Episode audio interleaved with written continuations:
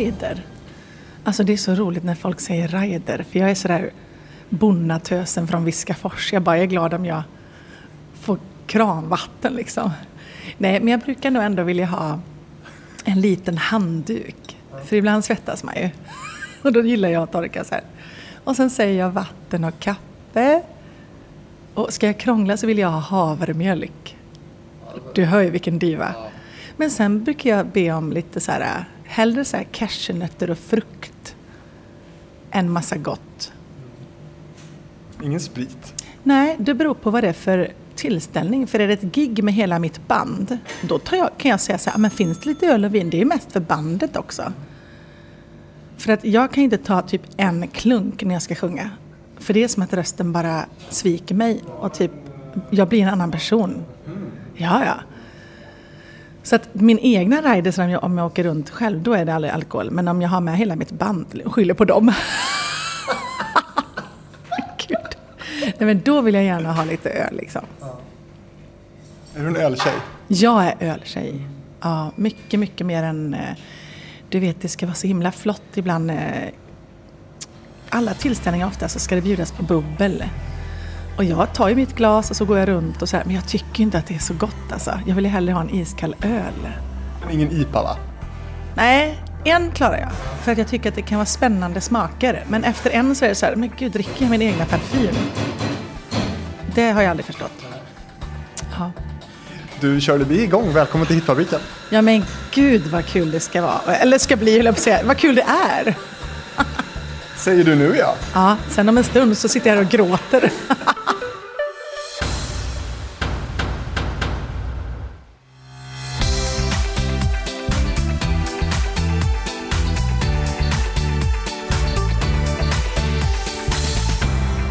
Nej, men vad kul att, eh, att du vill vara med. En timme om din musikkarriär. Hur känns det?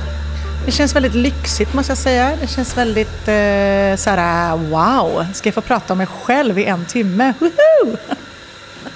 Och vi sitter på, eh, vad jag förstår, kanske ett eh, favoritcafé till dig. Ja, man hör ju just nu att det är ett café, för nu håller de ju på att göra en latte eller någonting där borta.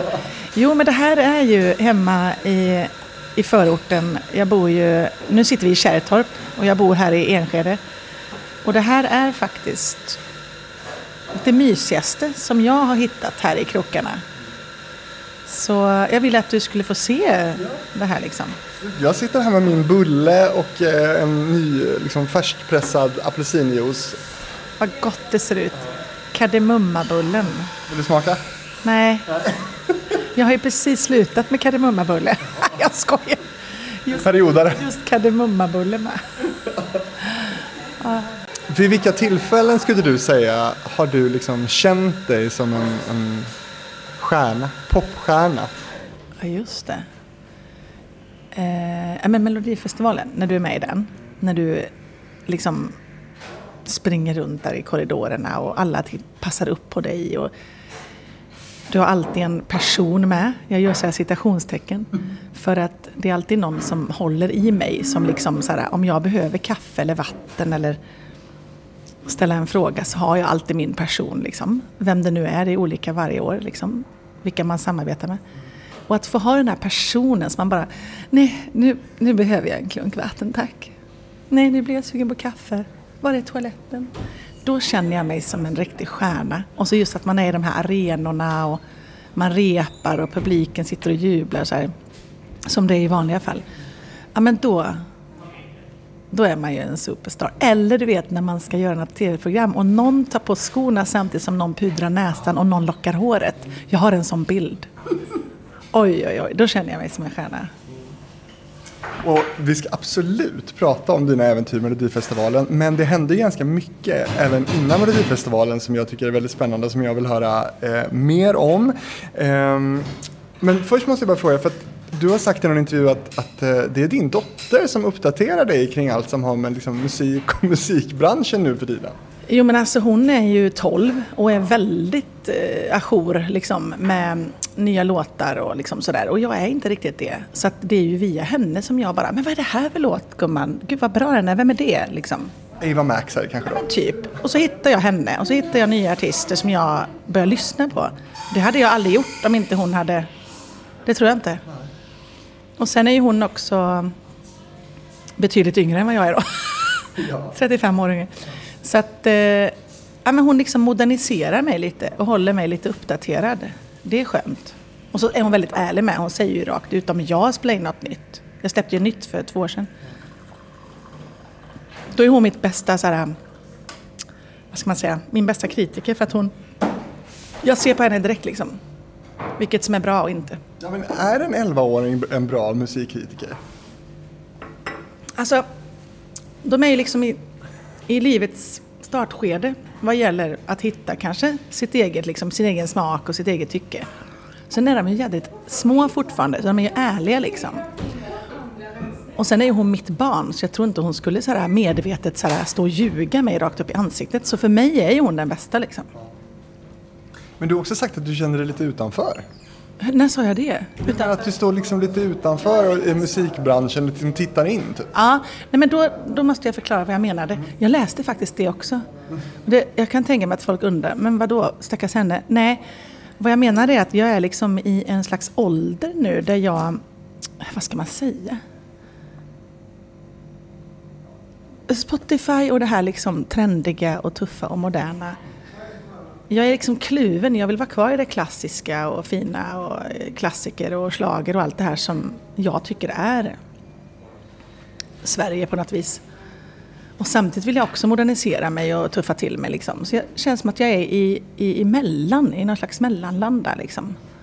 Det var nog det jag menade när jag sa att man blir lite så här utanför musikbranschen. För man typ tittar in och ser liksom hur, hur, det går för alla andra. Och så sitter man och... Ja men sen är det inte så jävla lätt heller att få en hit på Spotify. Eller alltså, du kan ju inte bara helt plötsligt släppa en hit längre. Ja, det finns ju de som gör det. Jag vet, men det blir svårare för mig. Och då pratade jag för mig själv att då blir man lite så här... Jaha, tjena, vad kul ni har. Jag står här så länge.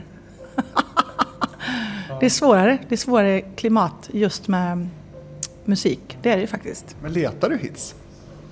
Nej, men jag försöker skriva och, och leta. Och folk skickar, de är, så, de är så idogna så de ger aldrig upp. Jag får väldigt mycket låtar skickade till mig och vissa är väldigt bra liksom och vissa är inte bra, punkt slut.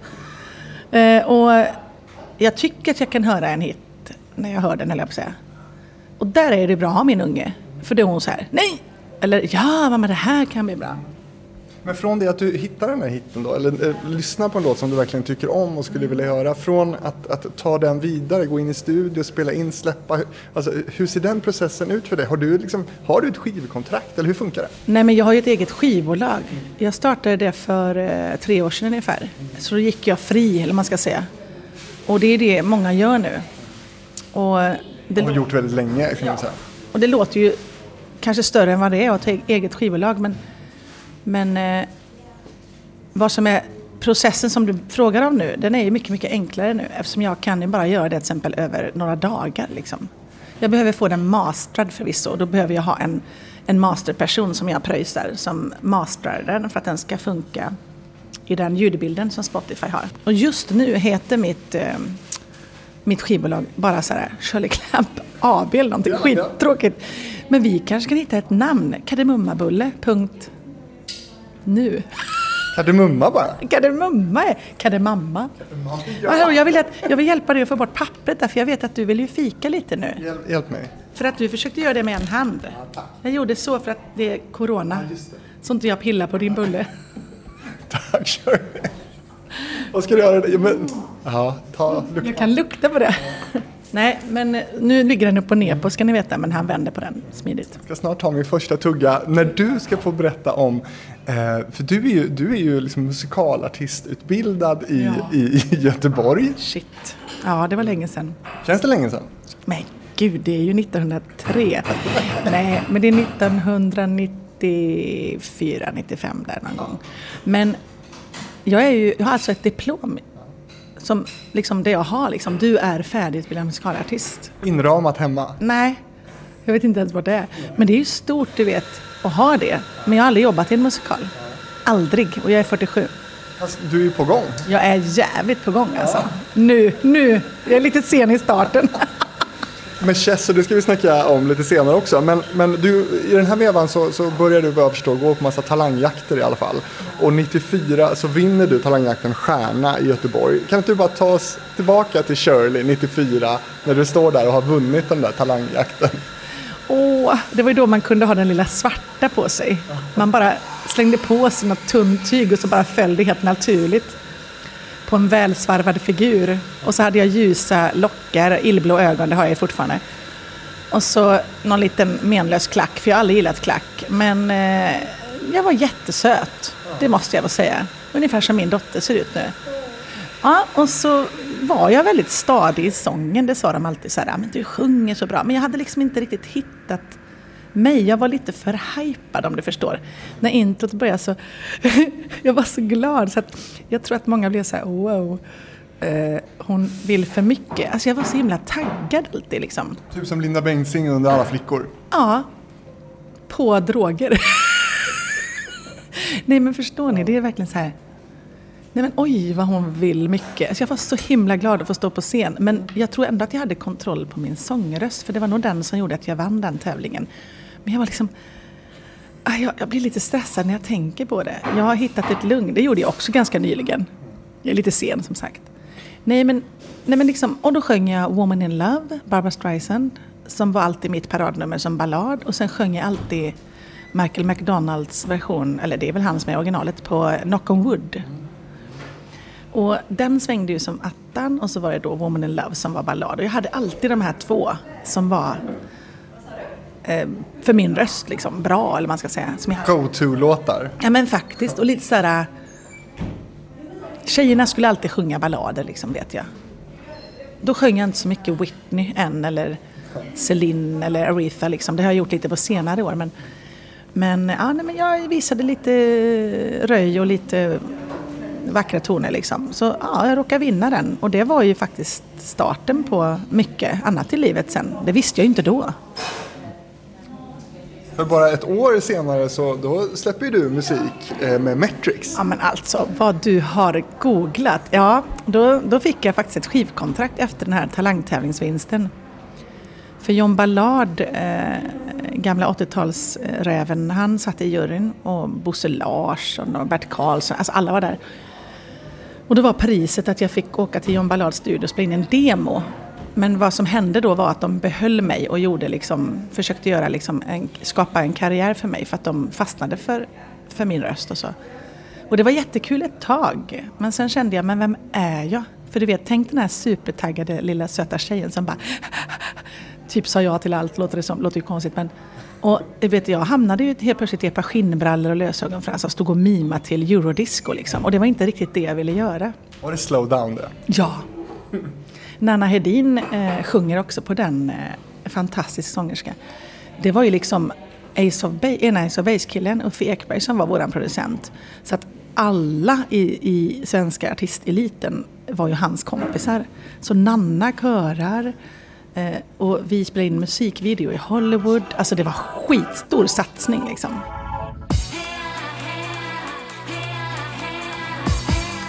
Men det slog inte liksom i Sverige. Ja, för det dog, alltså det blev inte så mycket mer än en eller två singlar va? Jag tror vi sålde 250 singlar. Men som mamma brukar säga, 250 är mycket mer än noll. Ja. Jättemycket mer än noll. Ja. Men, men alltså när man lyssnar, det är ju helt sjukt. Alltså Ulf Ekberg är ju på sin absoluta peak med Ace of Base mitt allt det här. Och då ville han så här, åh vad mycket pengar jag har, vad ska jag göra? Jo, jag startar en hobbygrupp. En blond, en mulatt tjej, hon var, åh Kattis så jädra söt. Och en arabisk kille, Karim, som eh, rappade. Och så sjöng vi då i refrängerna. Typiskt eurodisco.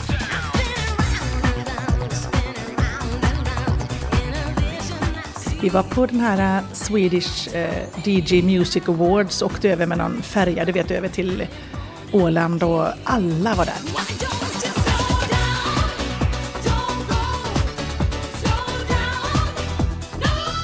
Robin hade precis eh, släppt Do you really want me? Am I really special? Hon var väl 17 eller någonting. E-Type, eh, Basic Element, Dr. Alban. Alltså, alla var där och vi bara Wow! Och då hade vi också, precis som alla de akterna, så hade vi en akt på scenen och alla trodde då eftersom det var Uffes band att nu jävlar, nu slår det här liksom. Men det gjorde inte det. Vi var bara några i mängden. Låten var faktiskt bra, men jag tror att om jag zoomar ut så såg vi nog jävligt rädda ut alltså. Men du kände dig inte helt bekväm heller då med lösögonfransarna där? Nej, vet du, jag undrade faktiskt. Jag gillade musiken, för jag älskar, jag är allätare. Jag älskar eh, eh, rap och tech, eh, skitsamma, bara det låter bra. Men jag var nog lite vilsen i vem jag var. Jag tror ändå att jag någonstans hade den här drömmen om att få sjunga powerballader liksom, i någon fin klänning. Liksom. Vad hände med de andra i Metrix undrar man ju såklart. Nej, men jag, jag, har försökt, jag har haft lite kontakt med Kattis och eh, nej, de, de, hon bildade familj väldigt tidigt. Och ungar och grejer och jag har inte hört någonting vad hon har gjort. Så det är nog bara jag som har fortsatt, i alla fall vad jag vet liksom. Eh, men i alla fall så, det blev ändå en del med Ace of Base också. Du, du har jobbat en del med Ace of Base. Jag körade ju åt dem. Det var ganska sjuk känsla när jag var i LA och spelade in den här videon till Matrix. Alltså i Hollywood. Alltså i Hollywood. Alltså sa jag det? I Hollywood. Då, då sitter jag och blir sminkad av en tjej och så säger hon, så vad är det här för låtar liksom? Jag bara, nej men det är en, en låt som, ja, Uffe i Ace of Base har producerat och hon typ får hjärtinfarkt och håller på att svimmar och typ ska typ kyssa mig för att jag säger att jag känner Ace of Base. De var så stora där. Och så sa jag, men jag körar på deras platta. och Hon bara, oh my god. Och så går vi ut, vi har en jävla paus, så går vi in i en skivbutik i LA när det fortfarande fanns då. Så går hon fram till den här eh, The Bridge heter det albumet. Och så kollar hon in då och ska hitta mitt namn och så ser hon mitt namn och typ slickar min mark där jag går på liksom. Så ja, hon fick liksom mig att känna mig som Madonna för att jag typ kände Ace of Base. Alltså jag glömmer aldrig det här. Hon bara “It's you, it's you”. Jag har sminkat någon som sjunger på en Ace of Base-platta. Jag bara ja. Nej men jag körade åt dem. Jag sjöng in demos där eh, som de ska slippa. Det är en, en låt är färdig och så ska den typ bara sjungas för att de i USA ska höra hur melodin går ifall de gillar låten. Det var alltid min röst då. Och så tog de ja, men typ I saw the sign och så stod jag och sjöng in någon demovariant av det och sen... Eh, du har sjungit den först kan man säga? Ja, men jag, jag sjöng ju några av låtarna först, absolut. Och så får ju de... Sen satte de ju sin prägel på det. Har du kvar någon sån demo? Jag tror att jag kan hitta det någonstans. Det är jätte, det har jag faktiskt inte tänkt på. För jag, jag är ju också en sån, jag slänger ju inget så att det, det, någonstans måste det ligga. Det hade varit bjussigt att få höra. Ja, men gud, jag hade ju dött om jag hittade det. Vi kanske kan leta tillsammans. När jag öppnar mitt förråd så förstår du att det kommer ta ett tag. Men det är bara ett nu, jag hade två innan. jag har rensat. Mm. Gillar du Base då? Nej men jag har väl aldrig riktigt gillat musiken så, det tror jag inte. Men nu när man hör den. Jag körde bil för inte så länge sedan så bara kom typ, jag tror att det var Design då är det ju kult liksom. Då, då diggar jag ju mer än någonsin. Men sen gillade jag ju hela, som jag gör med många artister som egentligen inte är bra eh, enligt min smak, men som är såhär med shit alltså vilka, vilka, alltså helheten. Vad de lyckas liksom och storyn. De börjar i en källare och ingen ville ha dem och sen blir det, alltså jag älskar ju sådana historier men jag behöver ju inte gilla musiken bara för det. Men de är ju, det är ju legender liksom på ett vis. De, de låg etta på Billboardlistan. De sålde ju mer än, än Michael Jackson. Liksom. Alltså det, det, är ju så sjukt. De här som går runt i Sverige och bara, hej vill ni signa oss? Nej tack, för det här är dåligt. Och sen bara bam, sådana stories älskar jag. Men, har du kontakt med dem idag då? Nej det har jag inte. Uffe stöter man ju på bara för att han bor i Stockholm. Malin, Jenny har jag typ, nej, jag vet inte ens om jag någonsin har träffat dem faktiskt efter 90-talet. Och Jonas har jag nog ah, någon, typ en gång träffat i mitt liv. Liksom. Så det är ju det är Uffe som jag såg senast på Ola Salos eh, show på Börsen. Och det är verkligen som en hej, men gud vad länge sedan. Alltså, det, är som, det är som ett annat liv, det som hände då liksom. Ja.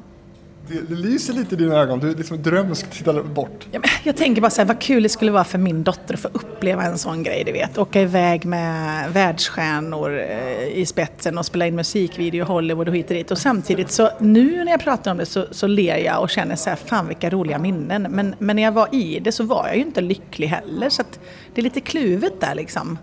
På ett sätt vill jag att hon ska få uppleva massa såna här roliga grejer och på ett sätt så är det väl skönt om hon gör det hon vill göra.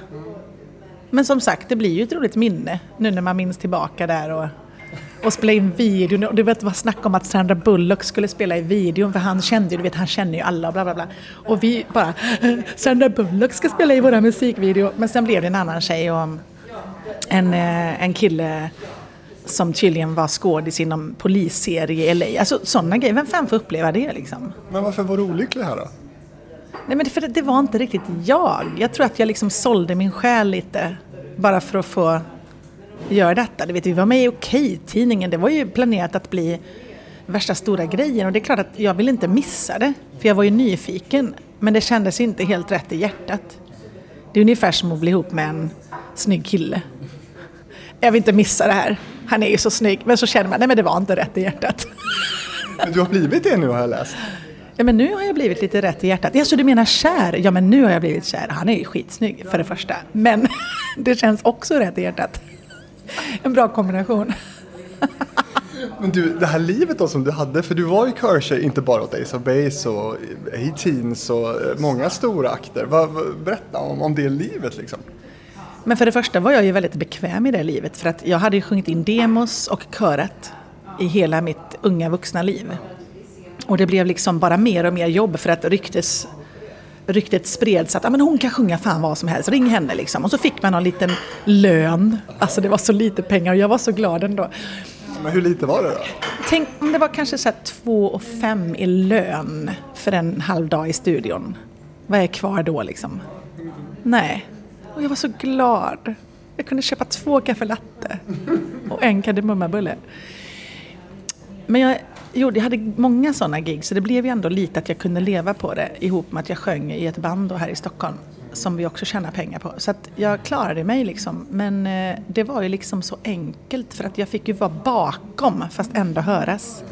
Och jag fick vara bakom men att ändå folk eh, eh, hörde mig och liksom tyckte men fan hon är bra. Alltså jag fick fortfarande vara så här eh, lite tryggt alltså lyfta andra. Så för mig var ju det en jävligt skön period i livet. Men det, det, var någon slags hitfabrik på riktigt där då, där ni ändå gjorde demos till då Whitney Houston och Anastasia, Aretha Franklin och Tina Turner och sådana här.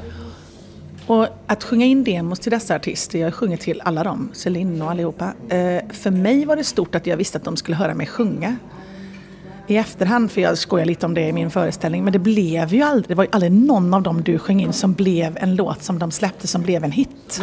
Och jag bara, det spelar väl ingen roll? Bonnartjejen från Viskafors, hon har hört mig sjunga. Och att Whitney har hört mig sjunga och sagt att, tell her she's great, du vet, det är ju, spelar ju större roll för mig än att det var Your Love Is My Love som jag sjöng in. Det, alltså, det är klart att det hade varit kul om det var en av hitsen som jag sjöng in. Men det, det matas ut, det måste man förstå. Det matas ut låtar till världsstjärnor hela tiden. Och det är väldigt få låtar som blir hitsen. Typ en dag. det året, eller två, tre. Men och att jag sjunger in demos och de lyssnar och ens vill lyssna liksom, från vissa förläggare då, eller upphovsmän. Det är stort. För Sverige har alltid varit en väldigt fin popexport liksom. Och då är det så att ja, men nu kommer det låtar från Sverige, nu vill vi lyssna. Och där sjöng jag på väldigt mycket liksom. Tell her she's great. Oh. Så att hon bara säger Who's that girl singing? Ah, it's a Swedish girl called Shirley Clamp. Tell her she's great. De ringde mig och bara, sitter du ner? Och jag tänker, men gud vad har hänt? Och så berättar de detta och jag höll nästan på att svimma. Nej men alltså för mig var det så stort. Ja, för mig, det är ett sånt minne för mig. Och sen stalkar du henne? Och sen stalkar jag henne. Stackarn. Nej, men alltså fy fasen alltså. Nej, men det är lite kul. Man har spridit sin, sina toner. Eh, om jag möter till exempel Celine någon gång och ska säga det. You heard me singing. Och hon bara va? Yes you did. Och Tina Turner och Anastasia kommer jag så väl. Den låten var skitbra. Jag har ju alla de här någonstans. Jag ska hitta dem har jag bestämt mig för nu, bara för att du sa så. Ja. ja. Men gör det, jag vill jättegärna spela upp några. Jag med. Men vad, vad var det med Anastasia då? Det var en bra låt alltså? Det var en jättebra låt som var lite såhär äh, typ hennes I'm out of love, set me free. Mycket såhär svängig som fan du vet. Och, och jag var ju lite såhär het på gröten och har en, ett fint instrument liksom i min röst. Så jag var ju som en kameleont. De bara, ah, nu ska du sjunga Tina Turner. Ja, ah, men då måste du vara lite hes. Jag bara, okej. Okay. Ah, nu ska du sjunga Celine, då måste du låta jättevackert och långa höga toner. Okej. Okay ja nu ska det, nu måste det låta soulig och okej, okay, du vet. Typ som att jag fick ju så jävla bra träning på detta. Så ja, jag har inte tagit sånglektion. Jag är inte en sån här sånglektionsbrud liksom. Jag tröttnar, jag snarkar ju liksom när jag sjunger. Jag tycker det är tråkigt. Så det här har ju varit min sångträning sång, eh, liksom. Att Men det var inget du blev rik på i alla fall? Då? Jag blev inte alls rik. På mer än erfarenheten? Erfarenheten. För sen 97 då, då eh, kommer du till final i, i Sikta mot stjärnorna där du precis använder det som du sa nu, att du att kameleonten i dig. Ja men faktiskt. Och då, då valde jag Maria McKee, Show Me Heaven. Och jag tycker att jag var helt okej okay röstlik men i, i efterhand, jag vet jag, jag tror att eh, ettan var Joe Cocker och sen var det Dolly Parton och, så, och de var jätteröstlika. Så jag, ty, ah, jag var nog inte så jävla röstlik ändå, just Maria McKee. Men vi ska säga det också, 95, 96, 97 där, då var ju Sikta mot stjärnorna, det var ju ett jätteprogram. Det var ju verkligen underhållningsprogrammet i Sverige. Och att få vara med där och gå till final, det är väldigt många som minns det. Mer än vad jag själv gör det. För när man är ute så här och flänger runt och så här, ah, du var ju med i... Alltså det, man, man fattar hur stort det var, men man fattade inte det då. Nej, men det var ju det var stort att få vara med och sen eh, är det så, man, eh, om man knyter ihop säcken, Ingela Pling Forsman satt i juryn.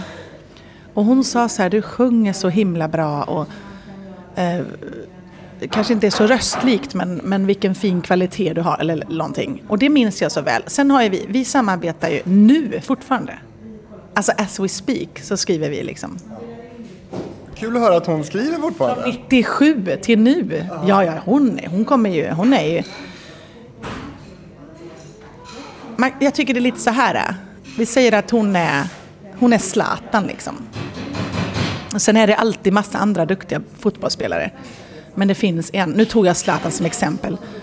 Och jag tycker det är så med Ingela Pling Forsman, att hon är liksom the Queen. Och sen är det fantastiska textförfattare runt om i Sverige. Sonja Aldén och jag själv skriver, jag ska inte förminska mig själv. Men det är Ingela Pling Forsman som är drottningen som sitter där och bara ja, ja, ja.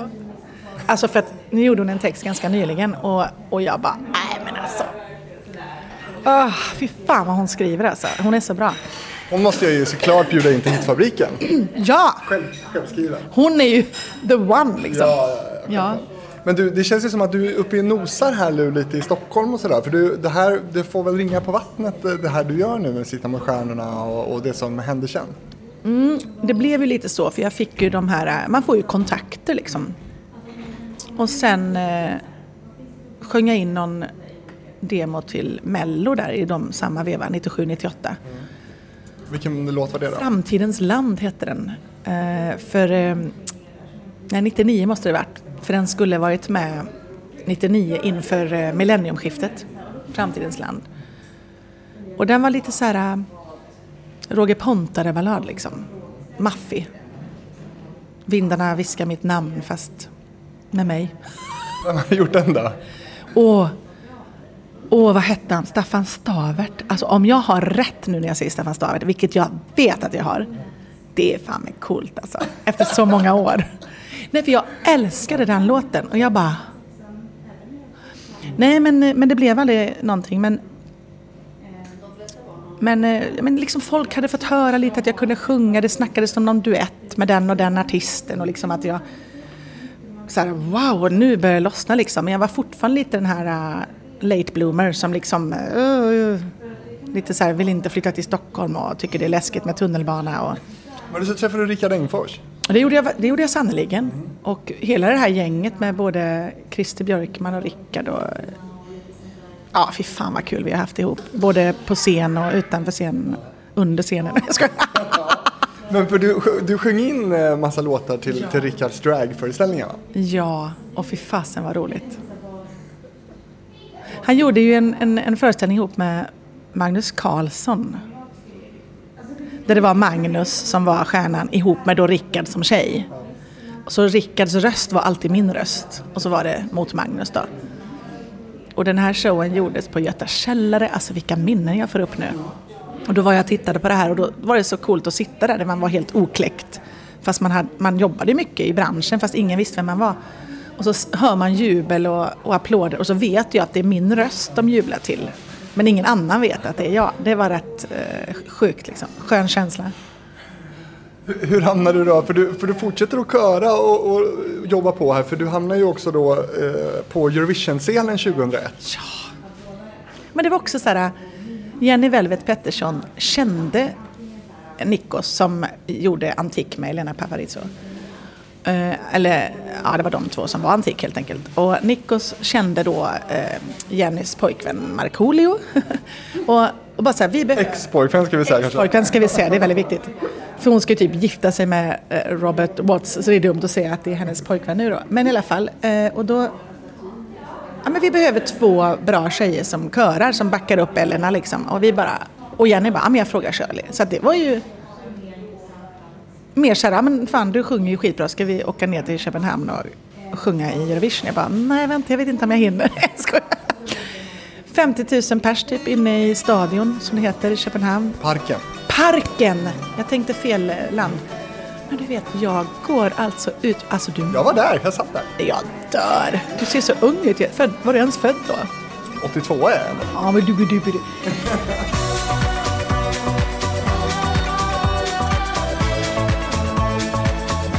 När jag går in, där måste du, du måste titta, nu när jag har berättat detta så måste ni titta på klippet från uh, I would die for you, Antik 2001, Eurovision.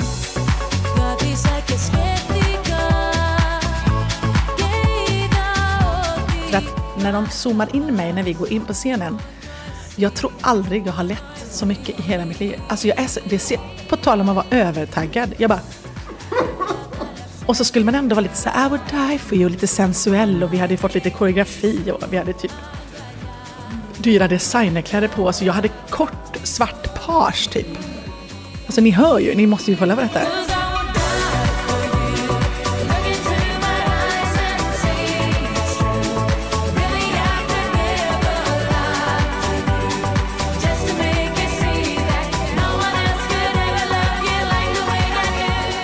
Ler, alltså jag ler så mycket och jag tror att kameramannen bara shit hon är glad. Så de filmar mig ganska mycket bara för att vara, kör, för att vara körtjej. Så vet jag att jag är med typ ganska mycket i bild för jag är så jävla glad. Så jag tänker gud hon är så lycklig, vi måste filma henne. och du vet, vi säger jag nu, men vi kom ju trea liksom. Alltså, du skulle ju naturligtvis ha vunnit. Ja, men naturligtvis. Ja, shit. Den var ju jättebra. Vad, vad, vad tycker du om låten idag? Jag, jag tycker om den. Den har jag alltid tyckt om. Och jag lärde mig versen på grekiska för att jag kan tycka att sånt är lite kul. Och så... Ja, nej men jag... jag, jag den gillar jag. Det, Kände du inte Elena då från Göteborgstrakten då eller? om jag kände henne innan? Nej, vi, vi pratade mycket om det för att hon har ju till och med bott i Borås. Eller om hon är född där och flyttat till Göteborg. Jag kommer inte ihåg hur det var. Men vi Hon lärde... gick på Ale gymnasium. Nej men du hör ju. Nej men vi lärde känna varandra då och känner varandra nu. Men vi kände inte varandra innan. Men du vet när man är på semester i Grekland och de har börjat få nys om så på hotellet att jag är sångerska. Så fattar de ju inte riktigt vilken nivå liksom. Ah, men Swe- och jag är inte så här bräkig och skrytig så jag bara, ah, I'm Swedish pop singer liksom. You mean as uh, Elena Paparizou? Och jag bara, yes, and she's my friend. Du vet, då sa min syrra så här, för vi sa detta typ sista dagen, då fick vi ju det fina vinet.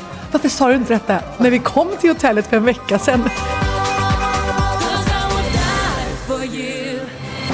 Du vet, man blir ju behandlad som en, på tal om superstar. Du vet, det var ju liksom nya handdukar vid poolen och det var ju liksom frukt vid poolen som ingen annan fick. Och det var ju inte husets vin all inclusive, utan det var det fina vinet från the managers liksom winebox på kontoret. Du vet. Och Tanja bara men varför sa du inte detta först? Men jag kan ju inte gå in på ett hotell och bara Hej allihopa, jag känner Elena Paparizou, kan jag få dyrt vin? Men så de Just det, jag kom på det när du sa Elena Paparizou. Hon är ju större i Grekland än vad man tror här. Liksom. Ja, hon är skitstor. Hon bor väl där nu? Ja. Så nu var det länge sedan vi stötte på varandra. Nej, hon är skön tjej alltså. Men var, var det där som, som dina egna liksom, drömmar om liksom, kanske egen Eurovision-vinst eh, liksom, vinst, eh, började liksom, bubbla? Men alltså, varenda gång du går in i Mello så är det klart att du tänker att det skulle vara fantastiskt roligt att vinna. Och oftast, eller alltid, så tänker man att låten skulle greja det. Annars tar man ju inte låten. Och så tänker man hur skulle den vara på engelska? Skulle den göra sig i Eurovision? Det finns ju alltid med i bakhuvudet när du går in i Melodifestivalen. Men föddes det där? När du ändå, för du har ju varit med i Eurovision ändå. Ja, jag har varit med i Eurovision. Det ska ni veta. Och jag låg mest, så det var därför vi kom trea. Nej, jag skojar. Nej, men Du log mest ja. Ja, nej men jag...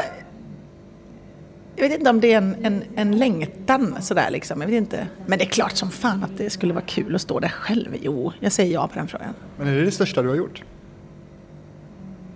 Eurovision, Köpenhamn 2001. Vad tragiskt det låter om det är det största jag har gjort. Det blir jättefint. Va? Det är väl inte tragiskt?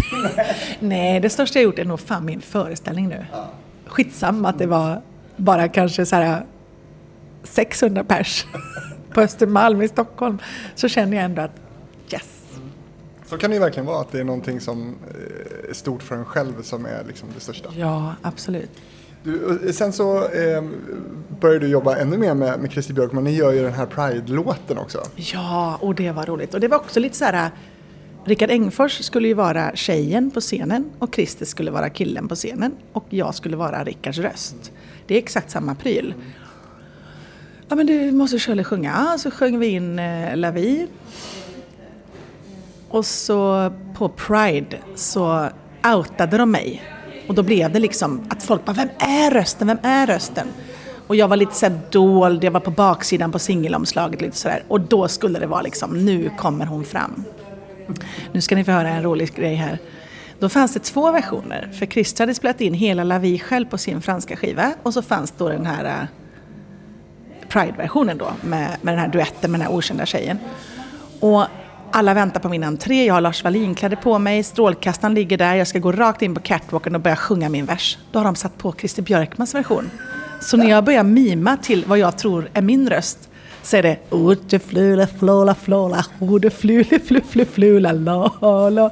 Hans röst.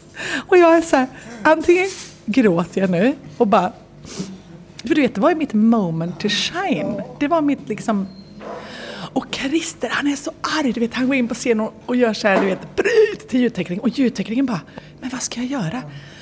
Och så ropar han någonting i micken, mitt i min vers här. Spår åtta för fan, du vet så här, typ. Och så hittar inte han den andra. Så vi får ju bara typ så här.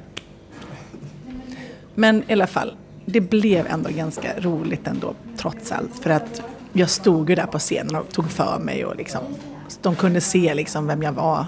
Men så rättades inte till Det heller. rättades aldrig till. Det här är det sjukaste. Och att jag ens tar upp det här, folk har ju säkert glömt. Nej, det, vet du, det är så kul igen. Det är som en dålig sketch.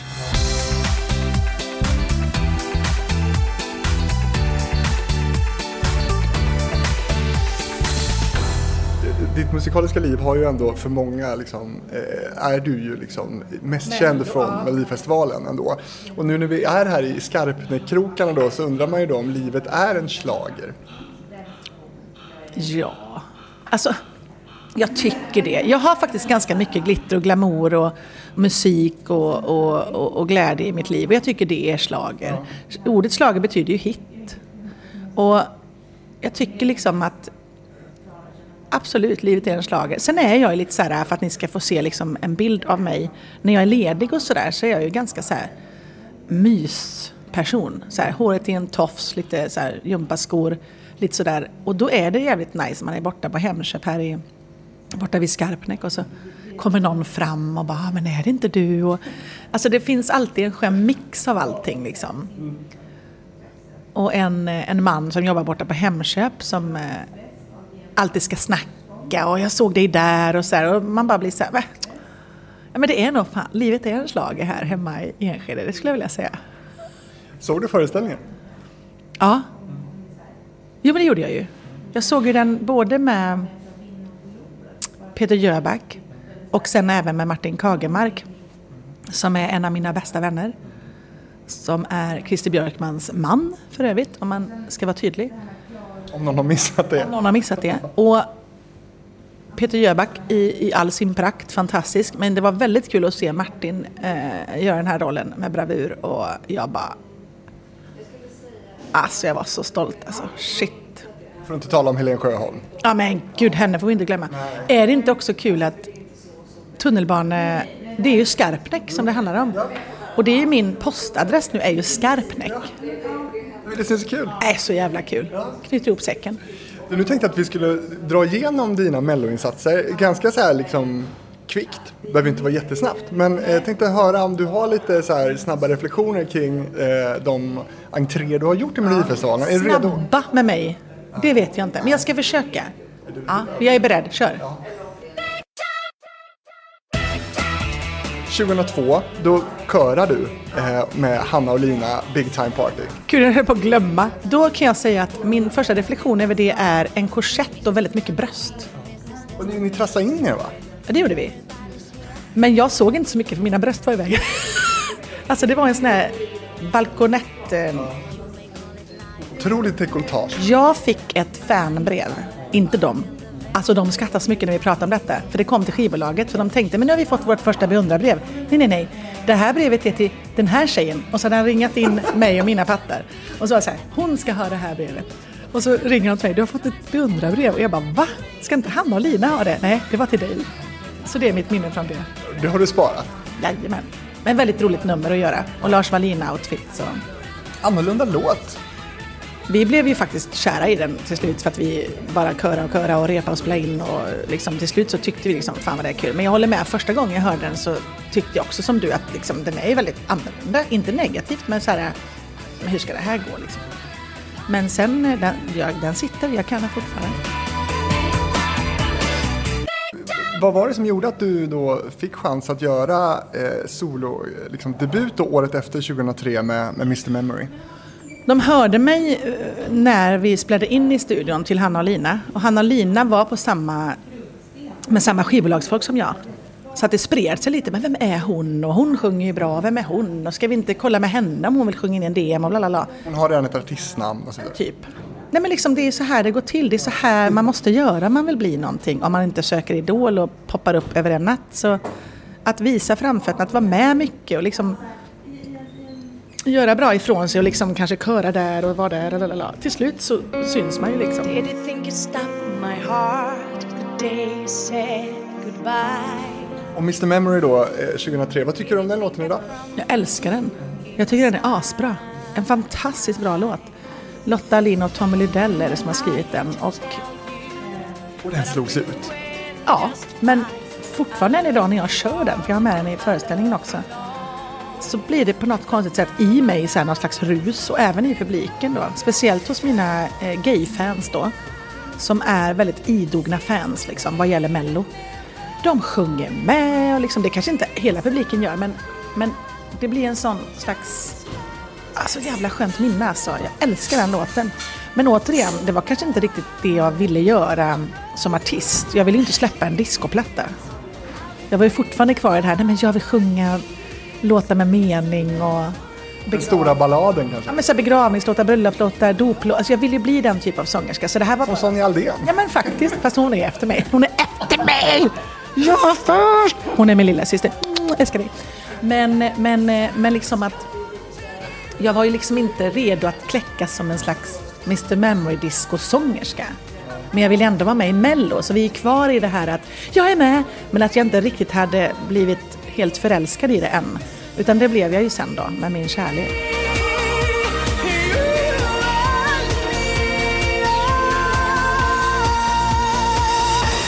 2003 så skrev du också en låt som jag tyckte var mycket bättre. Men vad roligt! You, Pandora.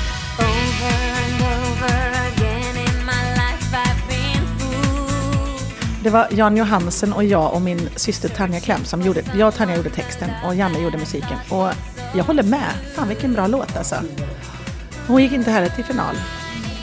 Jag var ju med som upphovsman och artist det året, 2003. Innan jag ens hade slagit igenom. Det är inte många. Det är inte många som gjort. Alltså, Äntligen får man skryta lite.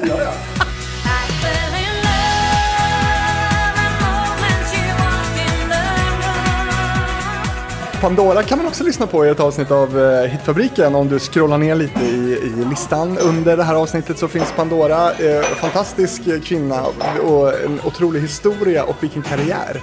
Und- Fasen vad stor hon var alltså. Ja, henne känner jag. Är du sugen på att skriva mer, alltså vara mer låtskrivare?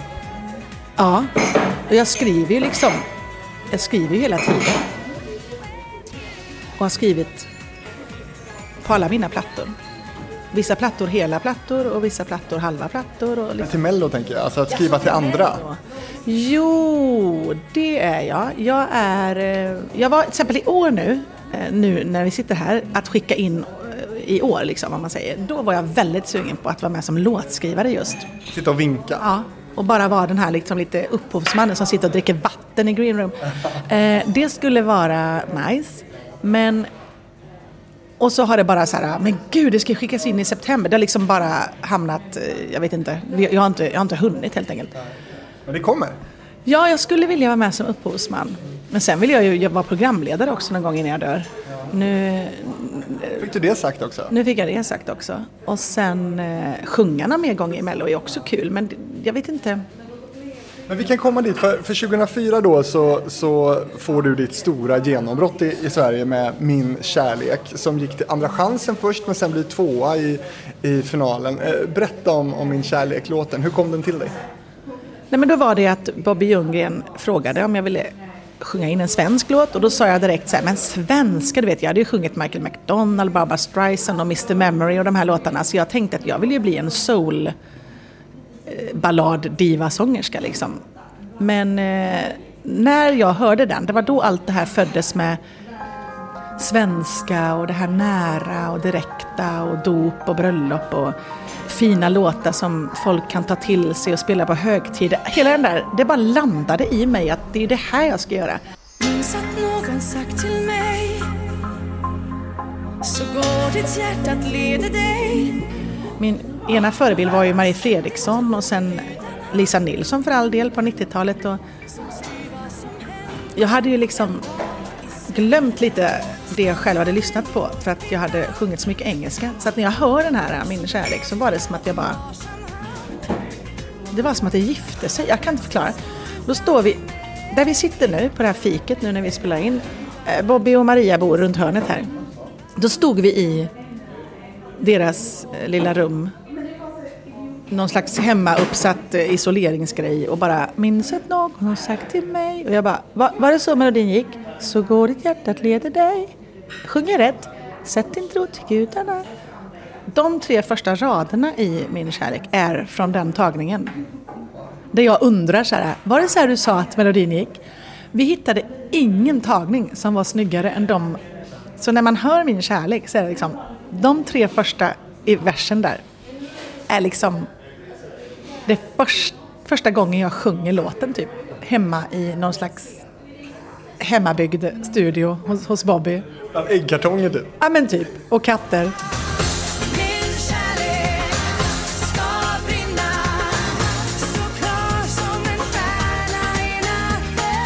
Jag bara kände, verserna absolut är ju något av det vackraste jag vet och introt och allt detta. Sen är ju refrängen en hit. Det är det som gör låten till en hit. För att det är enkelt. Det, de här aha är ju verkligen så här, han är ju så jävla smart där Bobby. För jag sa så här, jag vill nog ta bort de där aha. Jag tycker det låter lite så här fotbollskör. Han bara, eh, tro mig, om ungefär 20 år kommer du vara glad att de är där. Och fortfarande, än idag, jag giggade i förrgår. Är ni med nu då? Min kärlek. Och hela ladan bara aha. Eller hela, det var 50 pers men de bara aha. Och du vet, det är så jävla skoj att ha den där aha-kören. Det går knappt att tänka hur det skulle vara utan. Nej men det går ju inte min kärlek. Man bara va? Nej, så det var verkligen, han har ju en känsla för, för hits kan man säga. Men du, vad händer där då? Du, du slår igenom där över en natt nästan också. Ja, man kunde ju fortfarande göra det då tycker jag och bestå. Nu kan du slå igenom kanske på Youtube och Spotify och Idol och sådär men det är inte lika lätt att bestå för att tyngden i det var mycket större då när du inte hade lika mycket intryck från olika håll och eh, lika mycket. Det var fortfarande för mig 2004 att man fick följa med den här tjejen, man fick vara med när hon slog igenom och man kunde liksom man önskade den personen en, en karriär om du förstår vad jag menar. Som, det var lite mer som det var på 80-talet och 90-talet och sådär. Nu är det lite mer så här, någon ploppar och sen hinner man glömma för det ploppar igen nästa dag igen. Men då var det fortfarande så här anledningen då till att jag fortfarande kan jobba med det här och liksom ha det som mitt enda yrke. Eh, jag är evigt tacksam liksom. Bobby sa till mig, grattis på födelsedagen. Nu föds du. Och jag bara, men gud vad fint. Ja, det är nu, nu, nu, nu, nu kan du om du vill vara den här artisten för resten av ditt liv. Om du sköter dina kort rätt liksom och ansvarar för det och förvaltar det väl. Och jag bara, ja men det ska jag. Gud, vad, vad hände med dig då? Blev du dryg? Nej men jag, det var för sent för mig att bli dryg. Jag hade önskat ibland att jag kunde vara lite mer såhär, va? Vad sa du? Fuck you. Men jag, jag var redan klar. Jag var ju 31 vet du. Jag kunde inte ändra mig så mycket. Det enda jag fick tänka på det var att ta ut snusen innan de fotade mig. Men nu snusar jag inte längre. Men där blir du tvåa. Du skulle ju ha vunnit där va? Ja men det tycker jag väl. I, i, och så säger jag så här, för att vara lite så här smart och intelligent så är det ändå så att det spelade ju ingen roll egentligen. För att mitt, mitt genombrott blev ju detsamma tror jag, även om jag hade vunnit. Eftersom det var Lena Philipsson kom etta och jag kom tvåa och ingen visste vem jag var. Bla bla bla. Alltså genombrottet fyllde ju sin funktion ändå. Och det var Lenas tur där. Men det hade varit så jävla gott att slå igenom samma dag som man sen ska åka till Eurovision. Absolut. Men jag var ju i Eurovision ändå. Jag och Sonja åkte ju till Turkiet och hejade på Lena. Och satt där i publiken med våra små hjärtan som blinkade och höll på henne liksom. Jajamän. Gulligt. Ja, gulligt. Och sen eh, blir det ju någon slags revanschlusta då antar jag eftersom att nästa år 2005 så kommer du tillbaka med Att älska dig. Ja, och då var jag ju mer så här, nu, nu. Och jag tyckte låten var så bra och jag och Sonja återigen, lilla bebissyster, vi skrev den svenska texten och liksom vi bara, nu. Och man blev lite så här, alla trodde eftersom det var så nära 2004 att, ja men nu vinner du liksom. Så jag var så jävla säker på det på något sätt rör vid mitt inre Du, du fyller mitt sinne Men jag kom eh, fyra, tre poäng efter Alcazar. Kommer jag ihåg. För, för, från att bli trea liksom. Sen var det väl, var det Martin Stenmark och Nanne Grönvall va? Ja. Nej, och det var ett gott sällskap och jag är glad att jag gick, till, jag gick ju direkt till finalen och känna på den känslan att gå direkt till finalen. Det är ju den enda gången jag har känt den känslan och den är också jättestor. Att få vara en av de två som de ropar upp som går direkt till final. Så att jag har ju testat allt. Men Martin Stenmarks låt har ju inte eh, hållit sig. Nej men det kan man väl kanske hålla med om. Och sen när han giggar den liksom på något företagsgig så är det klart att den funkar skitbra.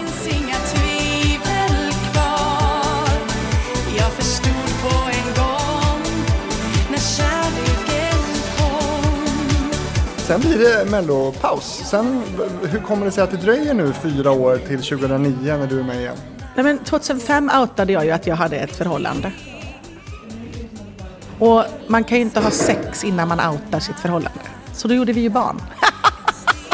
Du blir mamma. Så jag blev mamma. Och jag blev mamma och jag fick fyra barn, eller säga. Jag fick, eh, under de fyra åren så fick jag mitt barn och jag... Eh, det tog mycket tid och jag är så tacksam över att jag fick den pausen. För att innan jag blev med barn och fick henne så var jag ju liksom lite så här... Det enda som är viktigt är liksom mina höga toner och om jag har på mig snygga kläder. Men där var det lite så här skönt för mig att landa liksom. Och då skrevs ju av Ingela Pling Forsman och Bobby Ljunggren och... Ah, skitsamma, nu, nu fick jag hjärnsläpp. Med hjärtat fyllt av ljus. Doplåt. Ja men typ. Hon som var jag letade efter lycka Och då sa Pling, eh, ja men den här handlar om vilja liksom. Och så hörde jag demon och så tyckte jag liksom, men gud för mig var den låten jätteviktig. Så efter fyra års uppehåll så kom jag ju tillbaka med den. Och då fick jag även testa på att åka ut och hamna sist och åka ut. Och liksom jag testade andra chans, jag testade att gå direkt till final och testade att hamna sist. Alltså jag har verkligen testat allt. Men hur var det då? Då var det inte så farligt när jag var där. För jag hade min lilla bebis och jag ville typ bara amma.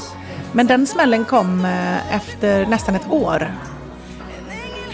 När jag hade zoomat ut och kom ur min lilla bebisbubbla. Hon var åtta månader då liksom och sen så var hon kanske nästan två och då var det som att men vem är jag nu? Vill ingen höra mig längre? Liksom, då kom alla de här tankarna.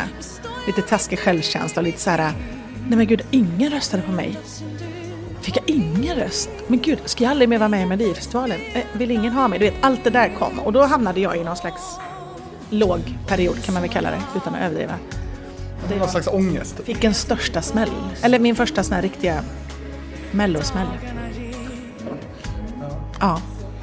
För efter Mr Memory så blev jag också låg att jag inte gick vidare hit dit. Och jag var ung och oerfaren och tänkte hela mitt liv är slut och jag kommer aldrig få släppa skivor hit och dit. Men det var en annan grej. Det här var liksom en, en när du redan är något och folk sitter hemma med förväntningar och du känner att ingen gillar dig, alltså om jag bara överdriver, då kommer det ju en annan käftsmäll. Det blir ju som att, "Nej, men gud jag kan ju inte sjunga liksom. Det var så många tankar i mitt huvud. Och sen var det ju bara att gaska upp sig och liksom, "Men skärp dig. Det är ju en tävling, det är ju en smaksak, det är ju ingen jävla, det är ingen prestation egentligen. Men hur gjorde du det? Kunde du ta det ur dig själv eller? Nej, jag faktiskt eh, gick och pratade med folk för att jag har lite prestationsångest. Jag har lite mm, nära till liksom jag menar, tankarna drar iväg och det blir destruktivt och liksom så här. Så jag bara, nej men jag måste faktiskt bara hitta mig själv nu. Och ska jag vara med någon mer gång så måste jag göra det och veta att även om jag åker ut så är jag stolt. För den här känslan vill jag inte ha igen.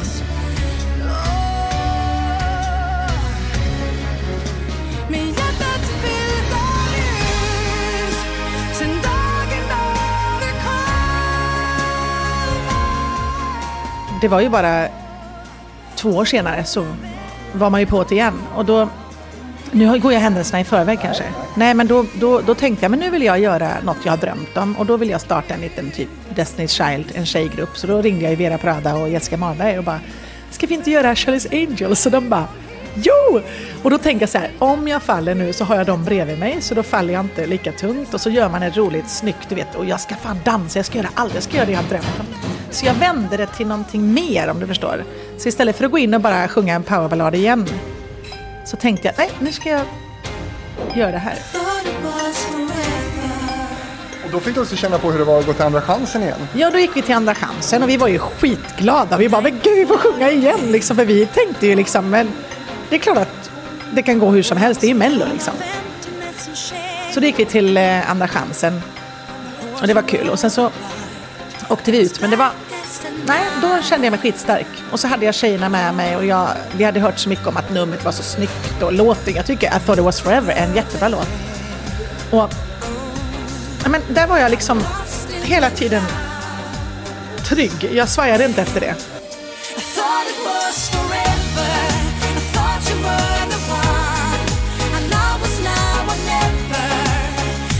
Just begun så det var en väldigt bra plan som jag fullföljde. Och sen 2014 med Burning Alive, då var det ju mer så här, En av dina bättre tycker jag då. jag älskar ju den låten också, tack så mycket. Nej, men, då var det mer så här, men vem är jag liksom?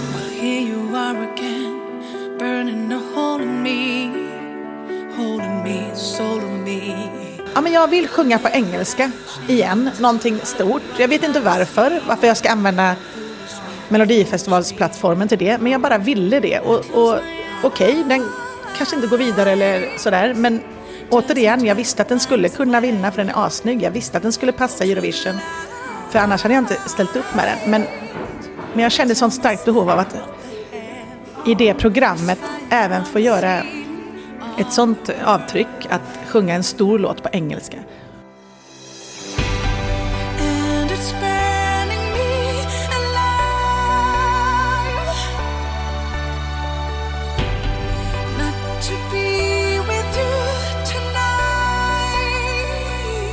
Och sen har jag ju en story. Mina låtar är ju liksom Mr Memory, då var jag inte lycklig, då var det Fuck you, hejdå, Mr Memory, hejdå. Och sen var det ju min kärlek då, för att jag precis hade hittat alltså pappan till Vilja. Och sen var det att älska dig. Och sen tog det slut och då var det ju eh, Nej, sen fick jag barn och då var det mer hjärtat av ljus och sen när det tog slut så var det I thought it was forever och sen var det liksom men shit nu ska jag ut och dejta igen och så gick man på några nitan och så var det Burning Alive. Så min plan om jag ska vara med igen nu då eftersom jag är så jävla kär och lycklig nu det måste ju vara en jävligt glad låt alltså. Som handlar om kärlek och sen om det är engelska eller svenska det vet jag inte. Men eh, det, det vill du, du är på G. Ja men vad fasen, man lever en gång. Det är jättekul att vara med i Melodifestivalen, jag älskar det. Ja, men det var ju sex år sedan och 15 år sedan i final. Oj, hjälp. När du säger det så, då ska jag ju gå till final. Annars kan jag inte vara med. Då kan jag ju fira det ju. Men hur är planen för det? Alltså, du verkar ju vara sugen på det. Alltså, på riktigt här. Nej, men liksom jag, jag sjunger faktiskt in lite demos och, och så skickas det in och ibland har det blivit eh, att jag verkligen känner att jag gifter mig med låten och känner så här, fan, uh. Men ja, jag vet inte riktigt än om det är rätt låt som har kommit till mig. Men eh, mycket bra grejer sjunger jag in, det kan jag avslöja. Alltså bra låtar, det har jag inte varit med och skrivit själv, men väldigt bra låtar. Hur många låtar har du, har du sjungit in då? Skickat in som inte har kommit med? Nej men det brukar inte jag syssla med. Jo vänta, jag har skickat in en en gång. Ja, det var ju för fan. Jag har skickat in en som inte kom med. Där jag verkligen kände, va? Då kom Edvard Blom med exempel. Och så uttryckte jag mig så här, nej men om de hellre vill ha Edvard Blom så. Och då blev ju det en skriveri. Det blev ju så här, Shirley Clamp rasar mot Edvard Blom. Så jag gick fram till honom på efterfesten och bara, nej, nej men alltså jag, jag gillar dig. Jag, jag sa bara att de vill ha Edvard Blom istället. Och han bara, jag förstår dig. Jag undrar själv varför jag är med. Eller någonting säger han då. Men vad var det för låt då? Då skickade vi in en låt som heter Kom som Daniel Demoniker Karlsson har skrivit till mig. Men jag släppte den på min EP.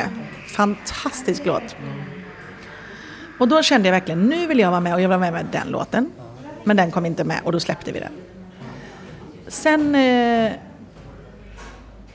har jag inte skickat in som så här, hej jag vill vara med som artist och sångerska. Men jag har sjungit demos på låtar. Det är en annan sak. Är Faris då? Ja men precis. Och står det så här artist, då är det ju liksom att jag vill vara med som artist. Det, det, det ska till mycket mer innan jag gör det. Då måste jag verkligen veta att nu, nu jävlar. Nej men som sagt, jag skulle vilja... Du och jag mot världen Ja men just det. med Fredrik Kempe. Kämpe. Och den blev ju Sanna och han innan.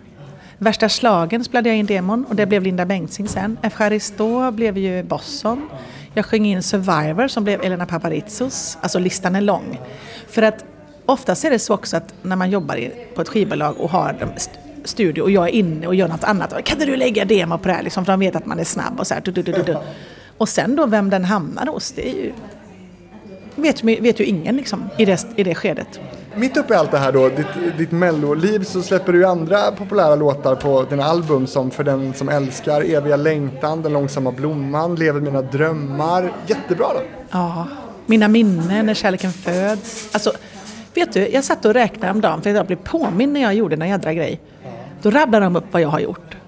Och jag hade tydligen legat på Svensktoppen åtta gånger och allt vad det var. Och nio radiohits. Så jag bara va? Du vet man glömmer ju. Man bara säger men shit vad stor jag är. Nej jag skojar. Hur, hur, har, har en, Melodifestivalen är ju ändå liksom Europas största uttagningstävling till Eurovision. Va, vad har du fått för internationella gig bara av det här? Ja, men ganska mycket. Jag har giggat i Madrid och London och liksom, där är ju också, men alltså, du får tänka dig också att vissa, vissa länder, vissa städer har ju slager eh, Euroclubs som är verkligen stora liksom. Vi hade ju en Euroclub i Stockholm här nu när vi hade Eurovision, när jag och Jenny Velvet var värdinnor då. Då försökte vi liksom mäta oss med Euroclubs runt om i Europa. Och Euroclubs med, främst liksom gaypublik så, det, det är enormt att åka till London och i Madrid, alltså det var helt galet. Alltså där, snacka om att känna sig som stjärna. Och när jag var i London då tänkte jag så här, nu ska jag ha en present med mig. Så jag hade bett att få översatt min kärlek och att älska dig och så ville jag komma ner dit och liksom sjunga dem på engelska för den här publiken och de bara helt missnöjda. Bara, vad håller du på med? De kan ju den svenska texten, de var helt ointresserade. Och där har jag slitit och spelat in och Okej, this is for you guys. I remember long ago. Och de bara What? De stod min kärlek och sjöng med och jag stod och kämpade på engelska. Så det skedde ju sig. Men ehm, det, det, är- det, de är, alltså det är min bästa publik nästan. Det är för, för, för många, det förstår inte alla, men i Europa, människor som älskar Eurovision och de älskar svenska Melodifestivalen. Just svenska Melodifestivalen, vi har liksom en, en egen skara fans.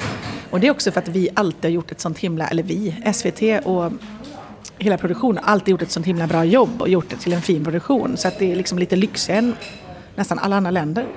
Det handlar väl om det, men också att vi artister, vi, det är skitsamma om vi går till Eurovision eller inte. Vi är liksom Melodifestivalsstjärnor. Så att man har klarat sig utan att gå till Eurovision, om du förstår vad jag menar. Det är liksom, ja ja. Jo, när jag var kommentator i Moskva 2009. Och gick runt där, då var det ju Alexander Rybak som vann och vi hade Malena Ernman tror jag från Sverige som, ja men just det, ja men det hade vi ju. Ja.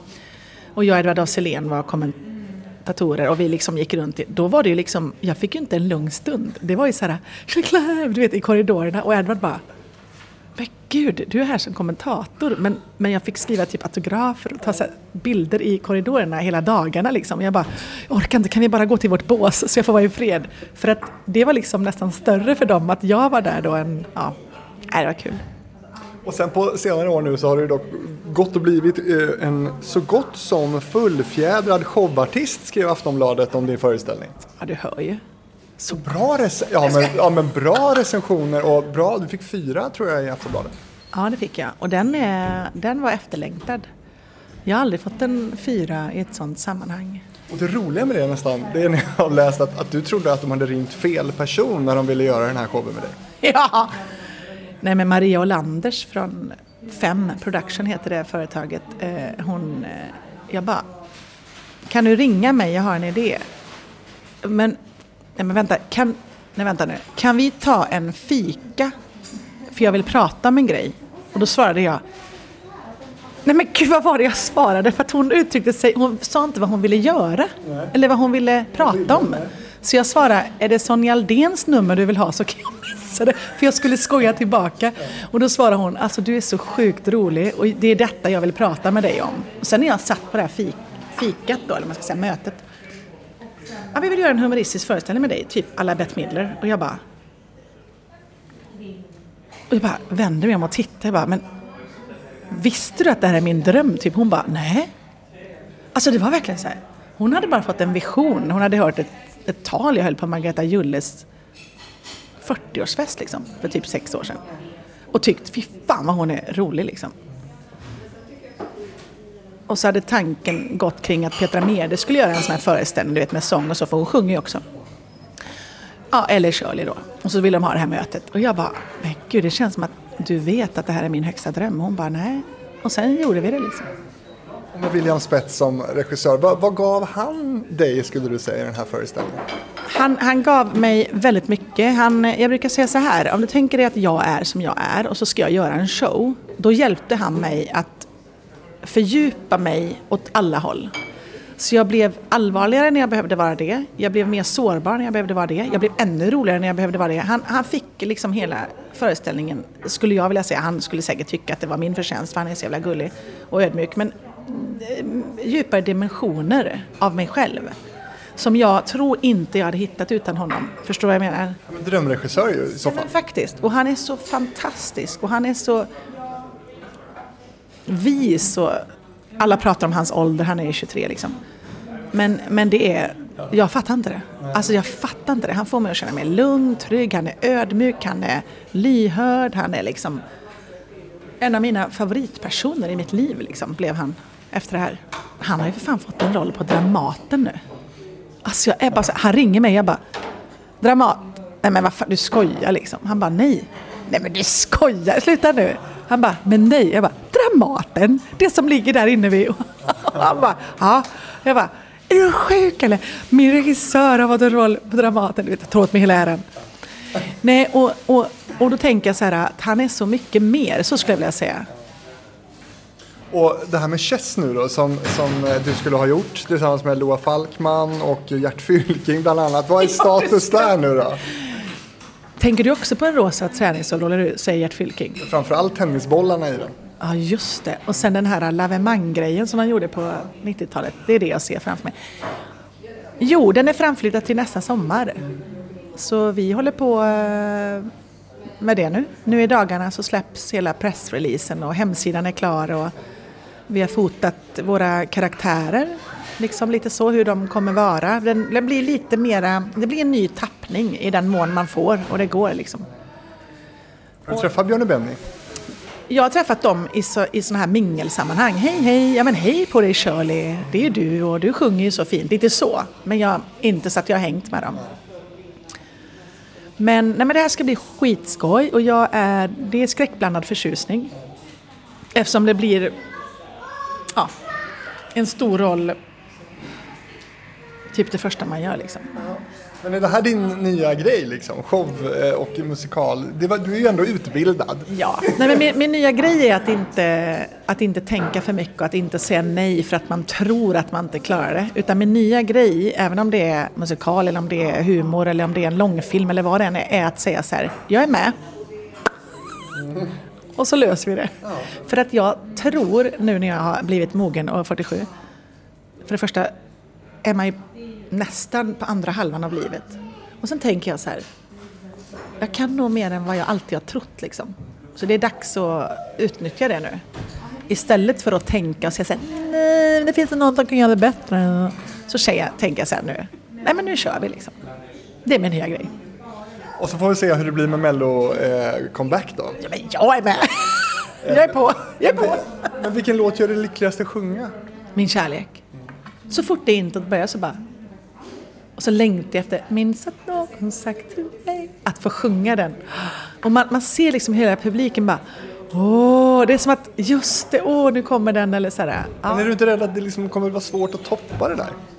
Jo, jag tror inte det går att toppa den låten. Men det går att hamna i samma land och liksom påminna folk om låten och påminna folk om det ögonblicket och känslan. Men jag tror inte låten går aldrig att toppa. Det har du rätt i. Men gör ingen Charlotte Perrelli nu att du ska göra något sånt här äkta med gitarr och bara liksom så här. Jag kan inte. Nej. Nej, vad hände? Nej men alltså, det är så mycket jag vill säga om det men det kan jag inte sitta här och säga. Jag ska inte göra en sån grej, punkt. Vad, vad, vad hände? Nej men du sa gör inte en Perrelli, då tänker jag så här, gud vad taskigt att säga så. Hon är min kompis. Nej, men hon är ju underbar, alla älskar ju Jag inte henne. göra en Perrelli. Nej, men, men, man förstår ju också att eh, tanken med att hon vill göra den här gitarrlåten, alltså äkta sådär. Men det, det kanske inte var så liksom rätt forum.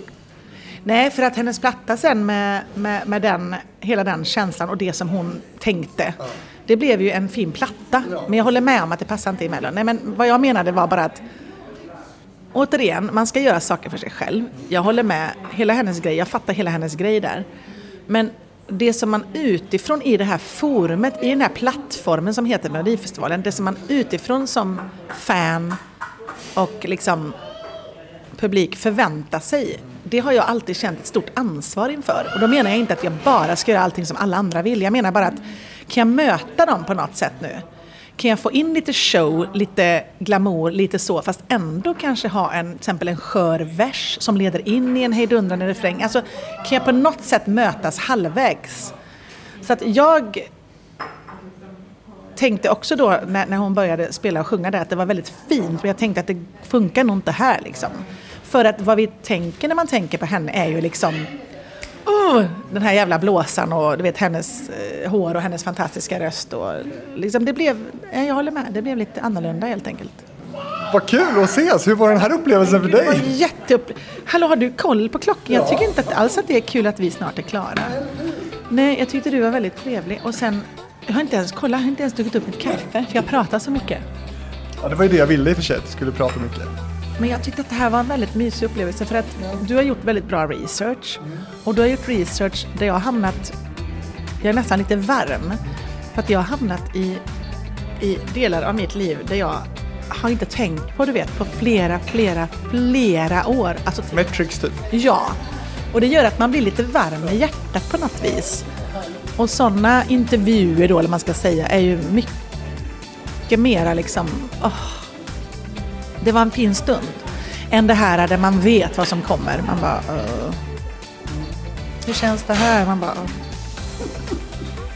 Men du Shirley, jag ska bara säga till någon som lyssnar att vill man komma i kontakt med mig då är det fabrikspost.gmail.com och Hitfabriken finns ju såklart på Facebook och Instagram för den som vill följa där. Och tycker du att det här är kul, då kan du också lyssna in på min eh, tvillingpodd TV-fabriken där jag träffar kända och okända människor som jobbar med TV. Du eh, Shirley, är det någonting jag borde ha frågat dig om som jag inte har frågat nu? nej. Alltså jag är helt liksom nöjd. Varför har du inte, har du varit med i Let's Dance? Nej. Varför har du inte varit med i Let's Dance? Jag har artigt sagt nej några gånger. Det har inte, det har inte funkat. Det har inte, liksom, jag har inte fått ihop det liksom. Och sen sa jag ja ett år och då, då, då ville de inte ha mig. Och då blev jag sur. Jag tycker det är en jättefin historia. Och sen när de ringde igen då, året efter det, så sa jag men på riktigt. Jag sa ja förra året och då fick jag inte ens vara med. Jag är faktiskt sur. Låt mig vara. Ja, men det var, jag är en annan artistansvarig här, vi vill gärna ha med dig. Ja. Så någon gång kanske när jag har slutat sura, och då är jag ändå inte långsint. Det är bara kanske fyra, fem år sedan. Nej, men jag, ehm, jag fick faktiskt frågan ganska nyligen och då var jag så jädra taggad. Jag bara, nu jädrar liksom. Men då kom eh, min älskade föreställning i vägen, så jag är glad att det blev så. Och jag vet att det är många som ser fram emot en mello-comeback också eh, så småningom. Men Shirley Clamp, tack för att du var med i Hitfabriken. Ja men tack själv, det var jättekul.